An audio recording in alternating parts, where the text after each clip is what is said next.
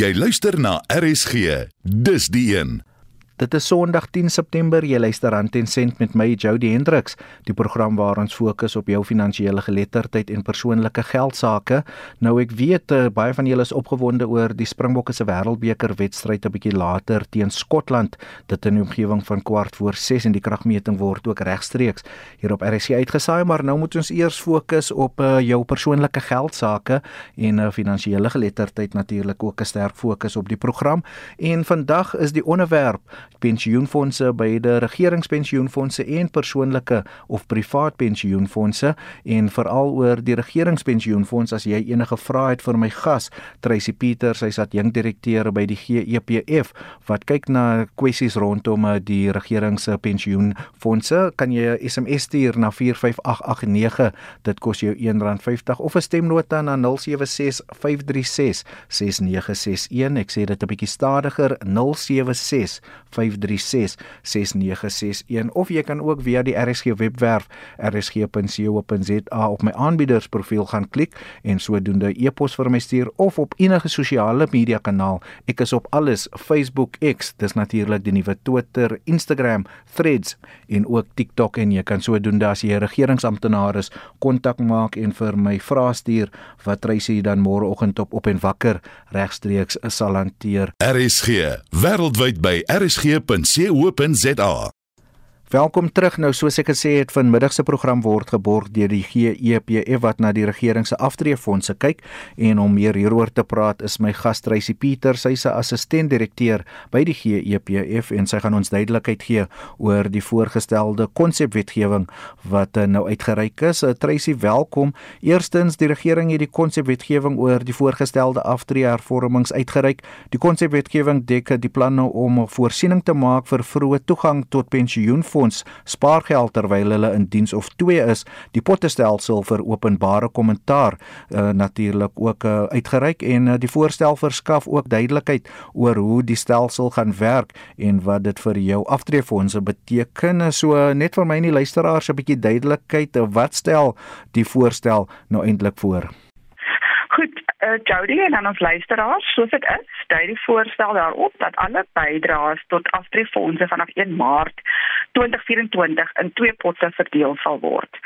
So net om 'n bietjie verder uit te brei, 1/3 van die bydraes gaan in uh die spaarpot en lede sal dan een belasbare onttrekking per jaar kan maak mits die balans in daardie pot minstens R2000 beloop. Goed en dan indien jy veelvuldige aftreefondse het, byvoorbeeld jy pensioenfonds en ander uittreë anniteite, sal hulle dan toegelaat word om van almal te onttrek. Um en dan 2/3 van die bydrae sal in 'n aftreepot inbetaal word wat tot aftrede bewaar moet word en gebruik moet word om 'n anniteit aan te koop. Um en dan die fondse wat tot dusver in jou aftreefondse opgehoop het, sal aan 'n aparte gevestigde pot toegewys word wat beheer sal word deur dieselfde reëls wat tans geld. Dit beteken die gevestigde pot sal nie aan verpligte bewaring onderwerp word wanneer jy van werk verander nie, maar 'n lid kan nie toegang tot daardie geld kry voor aftrede tensy so 'n lid bedank nie.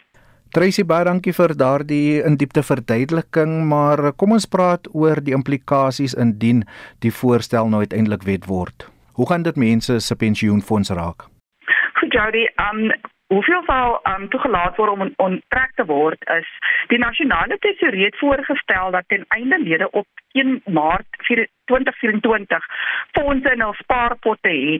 Aftreefondse moet toegelaat word om fondse uit hul gevestigde potte in hul spaarpot as saadkapitaal oor te plaas.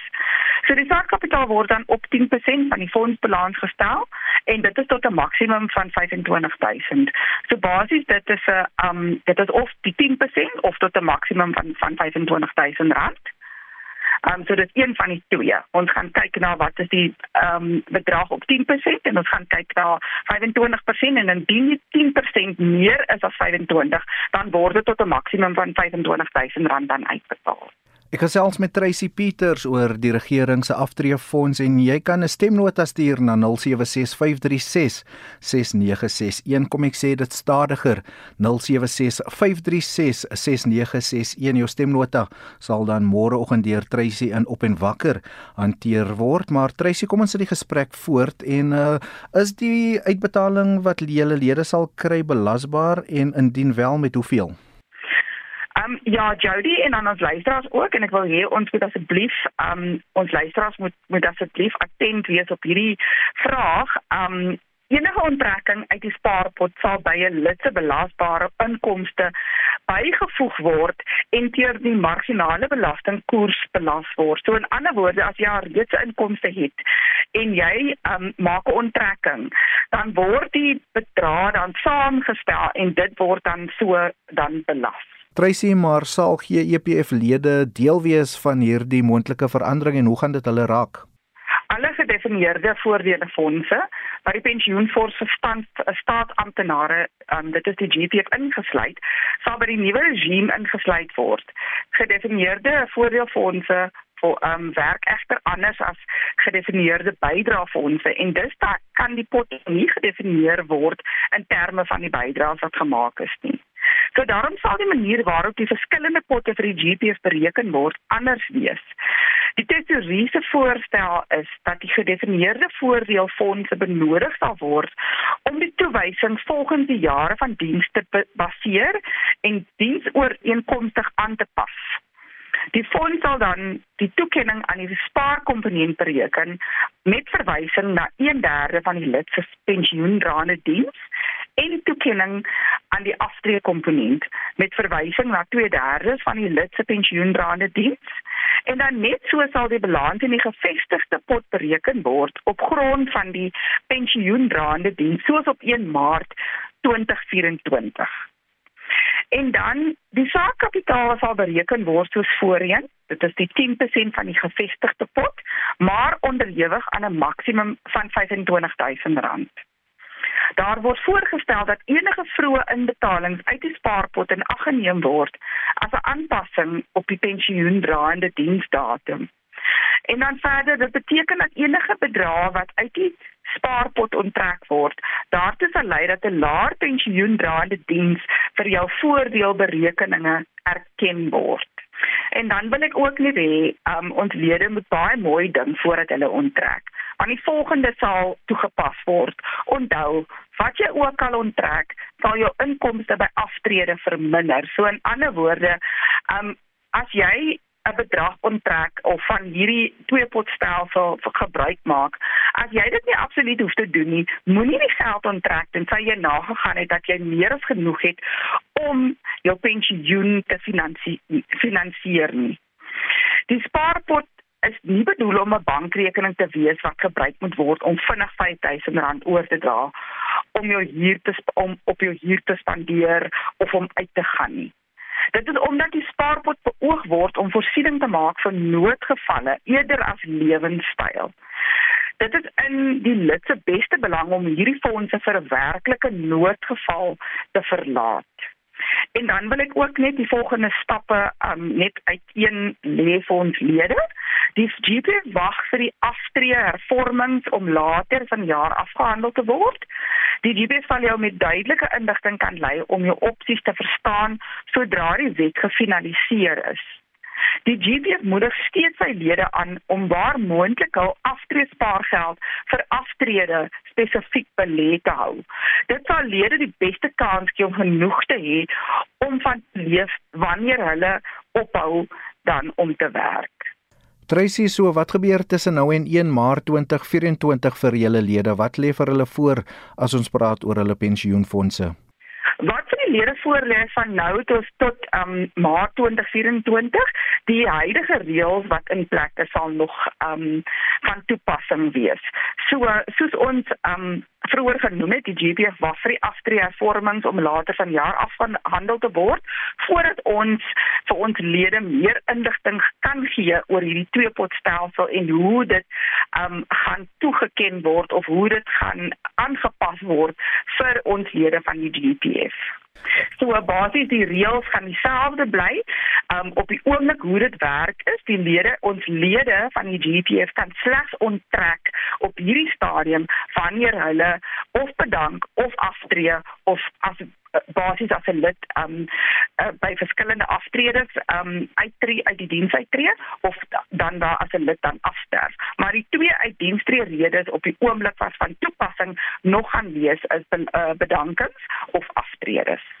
En dit was dan Tracy Pieter, sy is assistent direkteur by die GEPF wat na die regering se pensioenfonde kyk en dit was die eerste in 'n reeks episodes oor eh, die regering se aftreefondse wat ons oor die volgende paar weke en maande gaan bespreek. Vandag was episode 1. So Tracy, is daar enigiets wat jy nog voel is belangrik wat uh, mense wat uh, staatsamptenare of werknemers is wat lid is by julle moet weet oor die voorgestelde veranderinge aan die pensioenfonds? Ek wil net weer klem lê vir ons lede, um in terme van um die jy weet die konsekwensies as hulle um van hierdie twee potstelsel um gebruik maak. So in ander woorde, as hulle dan onttrek, ons het klem gelê daarop om te sê dat dit moet slegs gebruik word. Ons ons wil graag hê ons lede moet mooi daaroor dink en dat hulle moet slegs dit gebruik daarvan maak as dit jy weet as dit regtig 'n noodgeval is. En onthou, um enige bedrag wat ons lede gaan um onttrek, dit word belas en um, jy word dan um, op aftree ouderdom word jou diens dan verminder en die bedrag wat aan jou uitbetaal word gaan ook minder wees sou jy nie geonttrek het nie.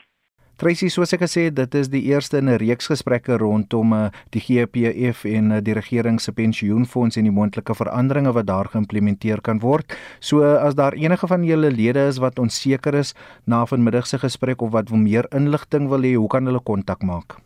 Goed Jody, ek sal ons call center nommer eersins uitlees en dan gaan ek ook 'n um, e-posadres ook verskaf waar ons lede dan um, hulle navraag dan kan stuur. Um, die call center nommer, dit is 0800 117 669 Dit is ons call center nommer. Ek ek herhaal dit weer. Dit is 0800 117 669 en dan daar is um 'n hele paar um e-posadresse wat hulle kan gebruik, maar die generiese een op die oomblik dit is inquiries@gpaa.gov.za. Dit is inquiries alles klein letters @gpaa.gov.za. En dan kan ons lede as hulle navraag stuur of inskakel net verwysing maak um tot die hierdie onderhoud wat gevoer is op RSG en sê hulle het vra hieroor, maar oor die algemeen is ons call center ehm um, uh beamptes as hulle hulle is baie goed opgelei, hulle sal hulle vrae kan beantwoord en dan ook um, per e-pos.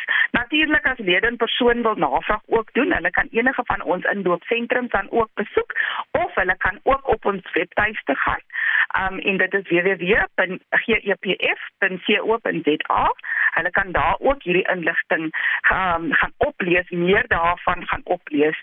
En dan ook verder Jody, ek wil ook net vir ons lede dan noem, daar word maandeliks word daar nuusbriewe ook dan uitgestuur aan ons lede.